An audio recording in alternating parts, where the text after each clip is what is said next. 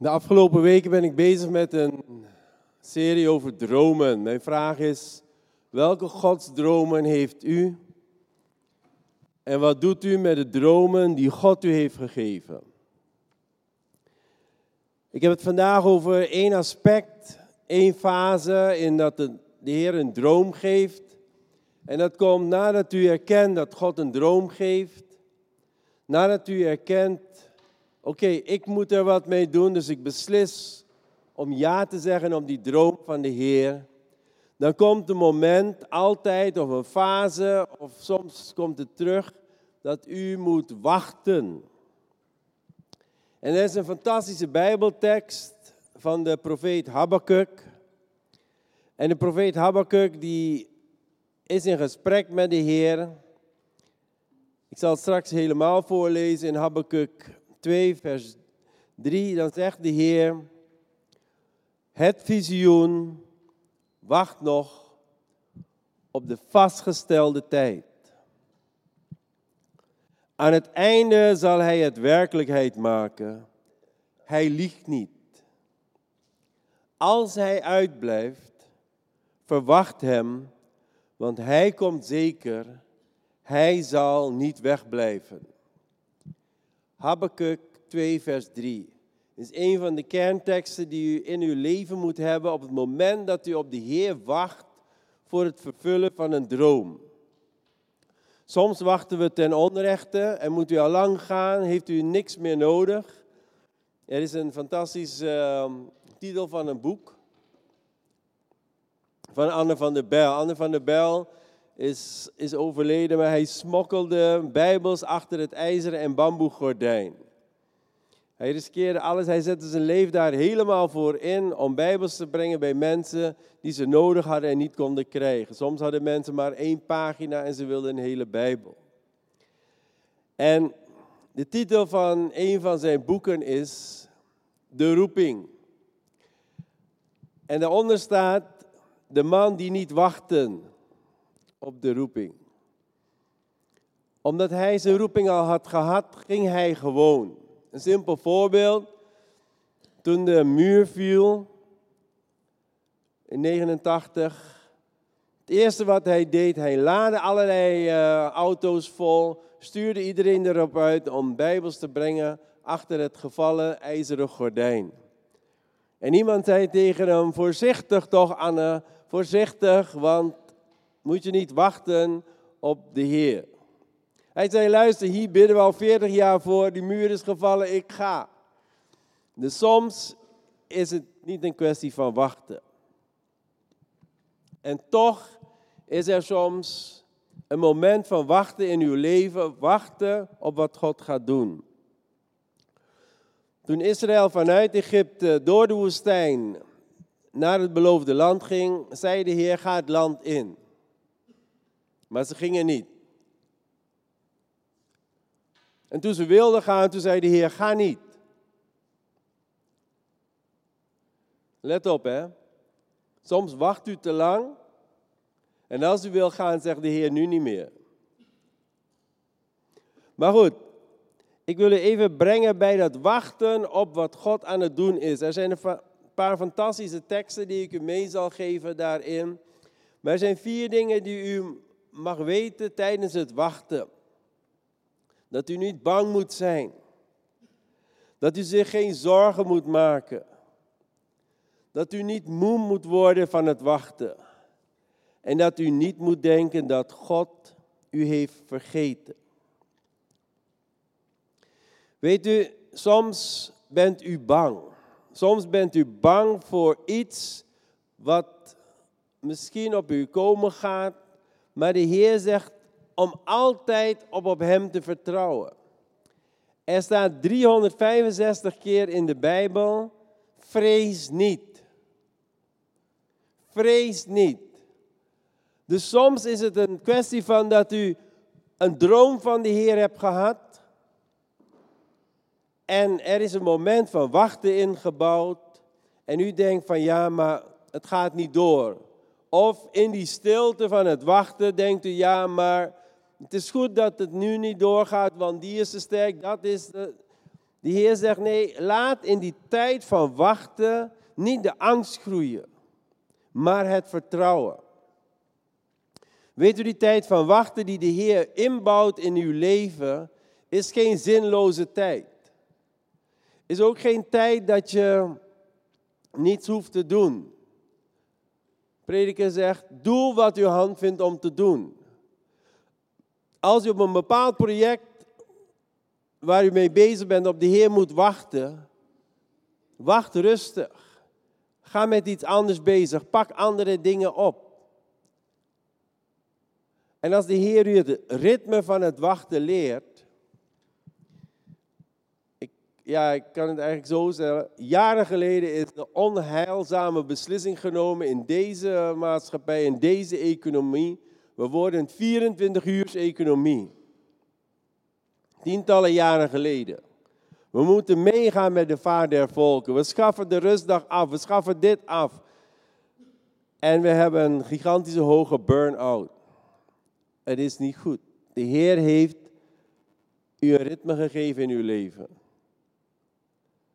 Zes dagen zult gij arbeiden en de zevende dag rust. En sommige mensen denken dat die rust alleen bedoeld is om op apengapen te liggen en niks te doen. Nee, die rust, gedenk uw schepper, is opnieuw energie opdoen. Wat mij altijd opvalt als ik naar een bidstond ga, hoe moe ik ook ben, aan het einde van die bidstond heb ik meer energie dan voor die bidstond. Omdat je met elkaar bezig bent, je bent met de Heer bezig, je hebt meer rust, je hebt meer energie, je hebt meer wijsheid. En daarna kan je ook nog lekkerder slapen. Een van de zusters, die groet altijd, ga, ga nu in een lekkere, zoete slaap. Zuster Mavis, u bent thuis, ik groet u.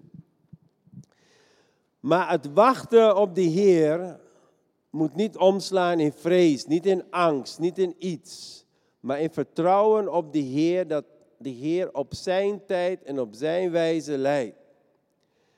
En sommige mensen vragen zich dan wel eens af, ja maar hoe gaat dat dan? Hoe moet dat dan? Ik zal u even twee dingen uit mijn eigen leven meegeven. Eén, ehm, ik vraag de Heer altijd een teken. Heer, als ik iets mis, trek even aan mijn oor.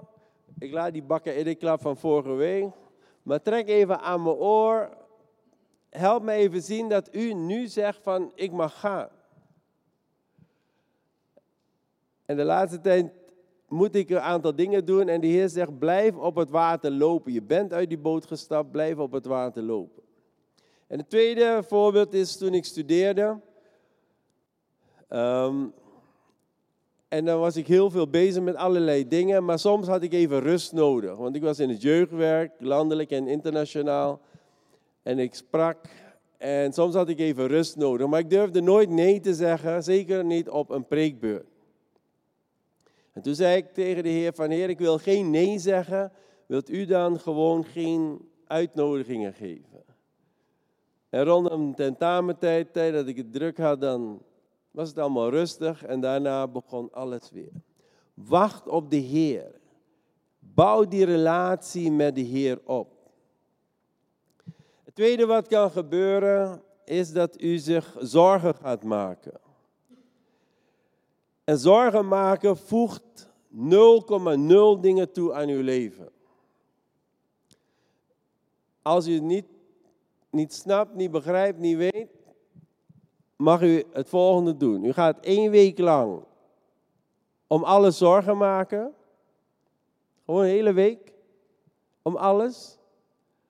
En dan gaat u een week lang zich geen zorgen maken. En dan moet u mij zeggen welke week beter beviel.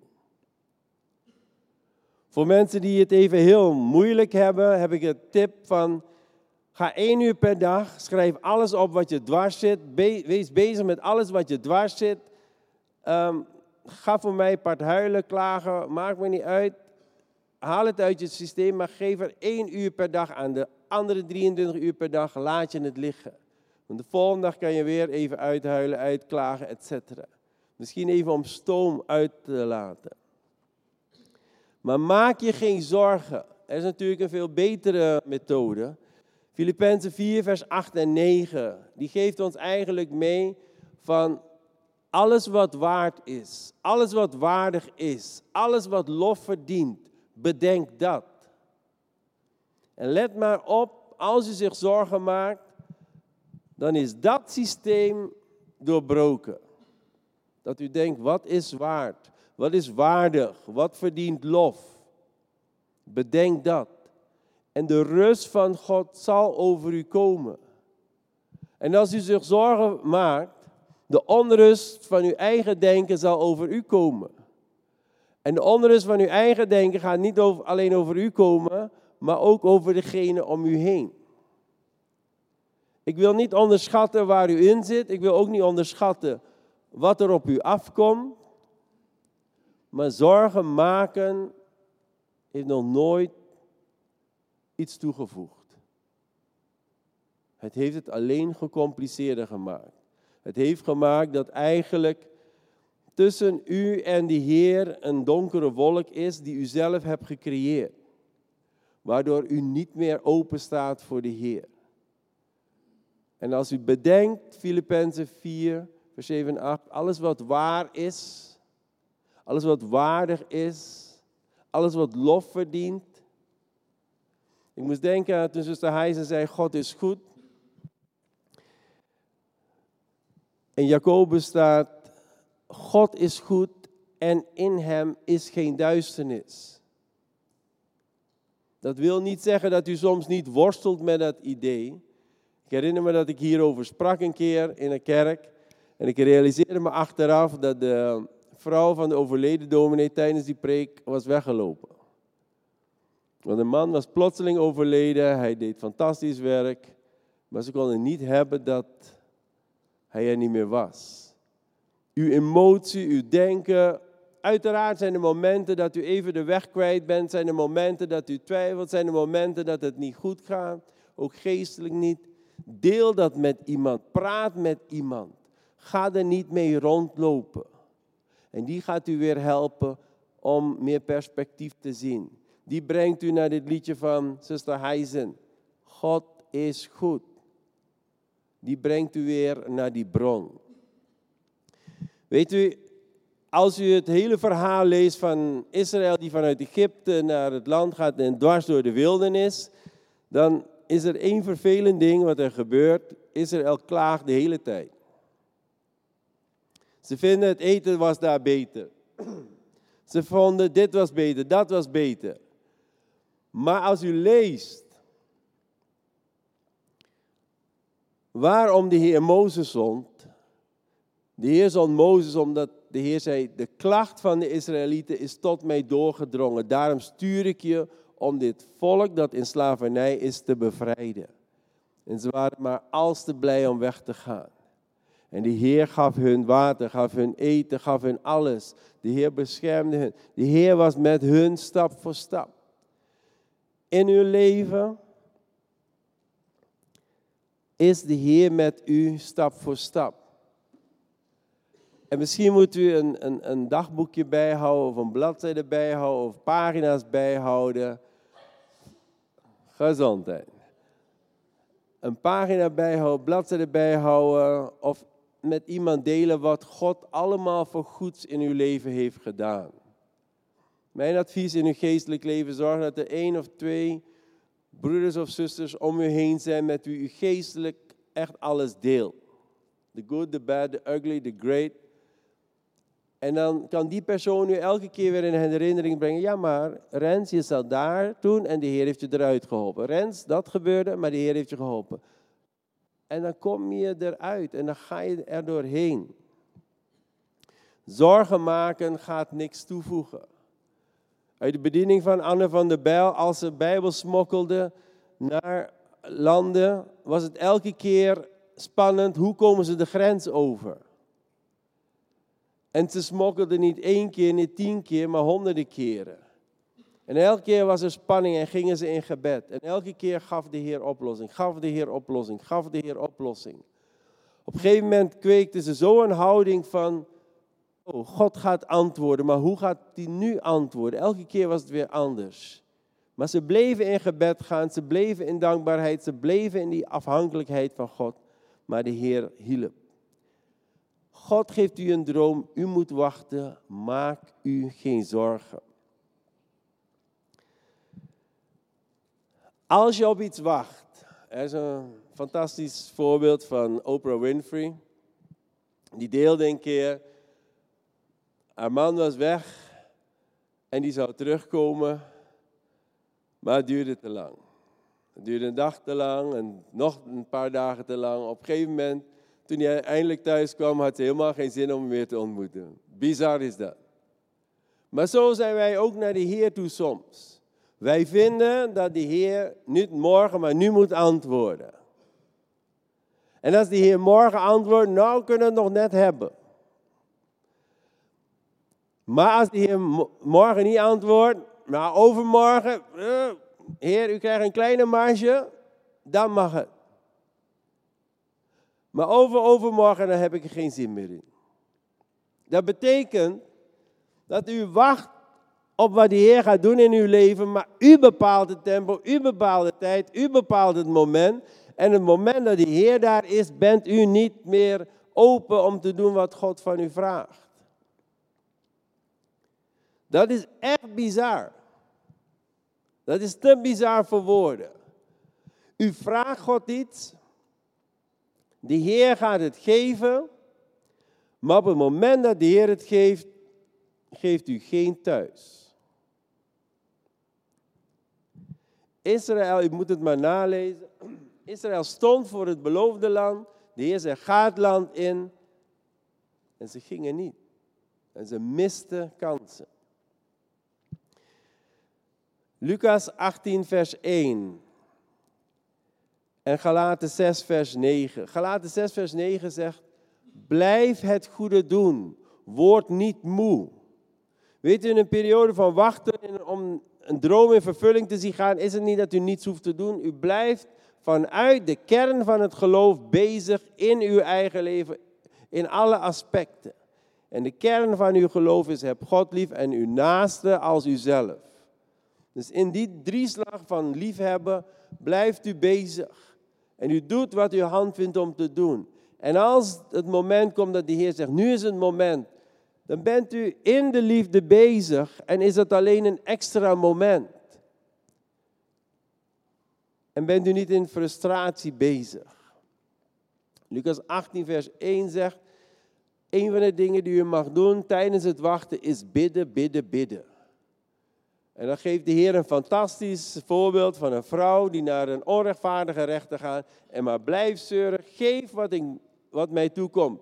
Het is mijn recht, het is mijn recht. En uiteindelijk uit verveling geeft die rechter haar, haar recht. Het was een rechter, het interesseerde hem niet wie, wat, waar, hoe. Maar omdat die vrouw bleef staan op een recht, moest hij het geven. En dan zegt de Heer Jezus, zal die hemelse Vader niet snel geven wat u nodig hebt? En het woordje snel, dat heeft mij echt gefrustreerd. Ik had een keer iets wat ik met heel veel moeite voor de Heer had gedaan. Het kostte me echt maanden om het te gaan doen. Het kostte een overwinning op mezelf en uiteindelijk heb ik het gedaan. Maar er was gewoon nul, niks, niente, nada, geen reactie op. Tot op de dag van vandaag. Toen, maar de Heer had me Lucas 18, vers 1 en verder gegeven toen ik daarmee bezig begon. En dat is jaren geleden. Dus toen dacht ik, weet je wat, ik ga bidden en de Heer gaat me snel antwoorden. Op een gegeven moment ben ik dat bidden gestopt. Ik denk, nou, de Heer antwoordt toch niet. En laatst stikte de Heer me weer aan, Rens. Ken je Lucas 18 nog weer? Elke keer als ik Lucas 18 zie, denk ik aan dat moment. En dan denk ik, wat is snel voor de Heer? Want uw idee van snel is anders dan Gods idee van snel. Er is een discrepantie tussen mensen die herstellen vanuit ziekte, met name als het sporters zijn geweest. Hun verstand zegt, mijn lichaam kan dat. Maar dat was vroeger. Nu hebben ze niet meer zoveel getraind, zijn ze ziek geworden. En dan gaan ze in revalidatie. En ze gaan veel te snel, veel te hard, willen te veel. Omdat ze denken, ik kan dit. Er zijn momenten dat God even op de rem trapt en tegen je zegt, rustig aan. Vertrouw op de Heer, ook op het tempo van uw leven, ook op het tempo waarin dingen worden vervuld. Want Lucas 18 zegt, blijf in gebed. En de uitdaging is om in dat alles in gebed te blijven. Dus niet moe worden van het goed te doen, niet moe worden van het bidden. En het laatste is vergeten. Weet je, als je wacht, dan word je vergeetachtig. Of je denkt dat de ander vergeetachtig is geworden. We hebben in ons uh, gezin een bepaald ritme. Ooit kregen mensen veel kaartjes tijdens hun, als ze jarig waren. In de loop der tijd zijn die kaartjes verdwenen. Er is een komische scène van Mr. Bean, die zo graag een kaartje wilde, dat hij een kaartje aan zichzelf schreef, naar buiten ging, in de deur doet, en dan naar binnen, oh, kaartje. Wij krijgen één kaartje, zeker één kaartje op onze verjaardag. En dat is van een tante. En die sms je niet, die appt je niet, die facetimet je niet. Ze schrijft haar kaartje en ze stuurt het voor je op. En je krijgt het. Je hoeft niet te klagen, je hoeft niet te bellen, je hoeft haar niet te helpen herinneren. Elke verjaardag, jaar in, jaar uit, is er in ieder geval één kaartje dat binnenkomt. Een enkele, enkele krijgt een tweede kaartje, maar in principe krijgen we allemaal één kaartje op onze verjaardag. De Heer vergeet u niet. De Heer is bezig in uw leven. De Heer is attent. De Heer let op. Maar wij worden wel eens vergeetachtig. Wij vergeten wel eens wat God allemaal voor ons heeft gedaan. En dan slaan we om in een periode van wachten. Niet in dankbaarheid voor wat de Heer allemaal heeft gedaan. Wat eigenlijk het ritme moet zijn van ons leven. Niet in gebed omdat we veel van de Heer verwachten. Niet in dienstbaarheid aan anderen omdat we van alles kunnen doen vanuit elke positie. Maar wij veranderen in vergeetachtigheid. En gaan ons leven zonder de Heer verder. En doen wat we willen. Maar als de Heer ons vergeet, oh wee, oh wee, oh wee. Geestelijk kunnen wij dat niet verdragen. Ik ga even sluiten met Habakkuk 2, vanaf vers 1.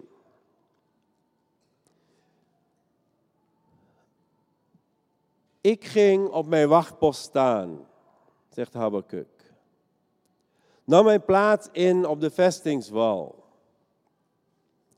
In principe is op de wachtpost staan bij de vestingswal, is midden in de nacht dat je kijkt van, um, komt er iemand aan of overdag, komt er iemand aan, moet ik mensen waarschuwen, moet ik mensen zeggen, hé, hey, er komen, komt visite. Er kan van alles gebeuren, maar je staat op je wachtpost. Je weet niet of er iemand komt, je weet of niemand komt. Maar je zorgt dat je blijft. Maar hier neemt hij dat beeld en zegt, ik wacht op God. Ik wacht op God. En keek uit om te zien wat God in mij spreken zou. En wat ik antwoorden zou op mijn aanklacht. Toen antwoordde de Heer mij, schrijf het visioen op. Soms moet je dingen even goed opschrijven. Grif het duidelijk in tafelen. Dus gewoon op steen of op klei bakken en laten zien zodat het in het snel voorbijlopen te lezen is. Voorzeker, het visioen wacht nog op de vastgestelde tijd. Aan het eind zal hij het werkelijkheid maken. Hij liegt niet. Als hij uitblijft, verwacht hem, want hij komt zeker. Hij zal niet wegblijven.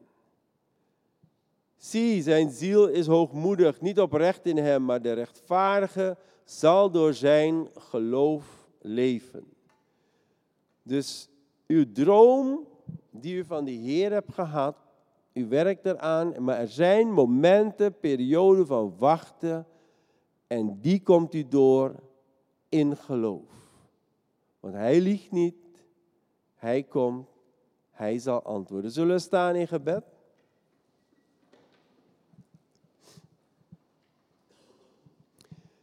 Heer, ik wil u vragen dat een ieder die hier staat, of die ook thuis meedoet of luistert, kijkt, en misschien niet kan staan, maar gewoon zit, maar in het hart wel wil staan voor u.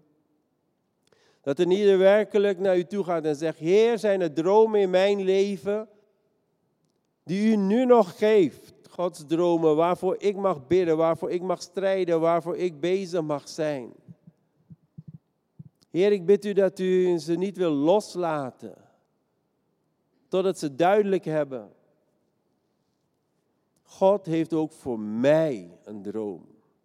God heeft voor mij en mijn man, vrouw en mijn kinderen een droom, voor mijn gezin, voor mijn gemeente, voor de gemeenschap om mij heen. Heer, en ik bid u dat een ieder de daadkracht zal hebben om die droom te pakken te nemen en daar ja op te zeggen en zeggen, Heer, ik ga ermee aan de slag. Maar Heer, er zijn momenten waarop wij moeten wachten. Geef dat wij niet twijfelen. Geef dat wij ons geen zorgen maken. Geef dat wij niet denken van, de Heer heeft mij vergeten. Geef dat wij niet moe worden, maar dat wij bidden in liefde, in geloof, actief bezig blijven met allerlei dingen die u aan ons geeft, voorhanden geeft. Een boek lezen, een boek schrijven, praten met mensen, bidden met mensen. En als u het moment geeft, Heer, nu ga je verder. Dat we gewoon zeggen, ja, ik sta op, ik ga verder. Heer, geef mensen het geduld. Maar vooral, Heer, de vorming in het wachten. Dat het een liefdevol, krachtig, machtig wachten zal zijn. In Jezus' naam. Amen.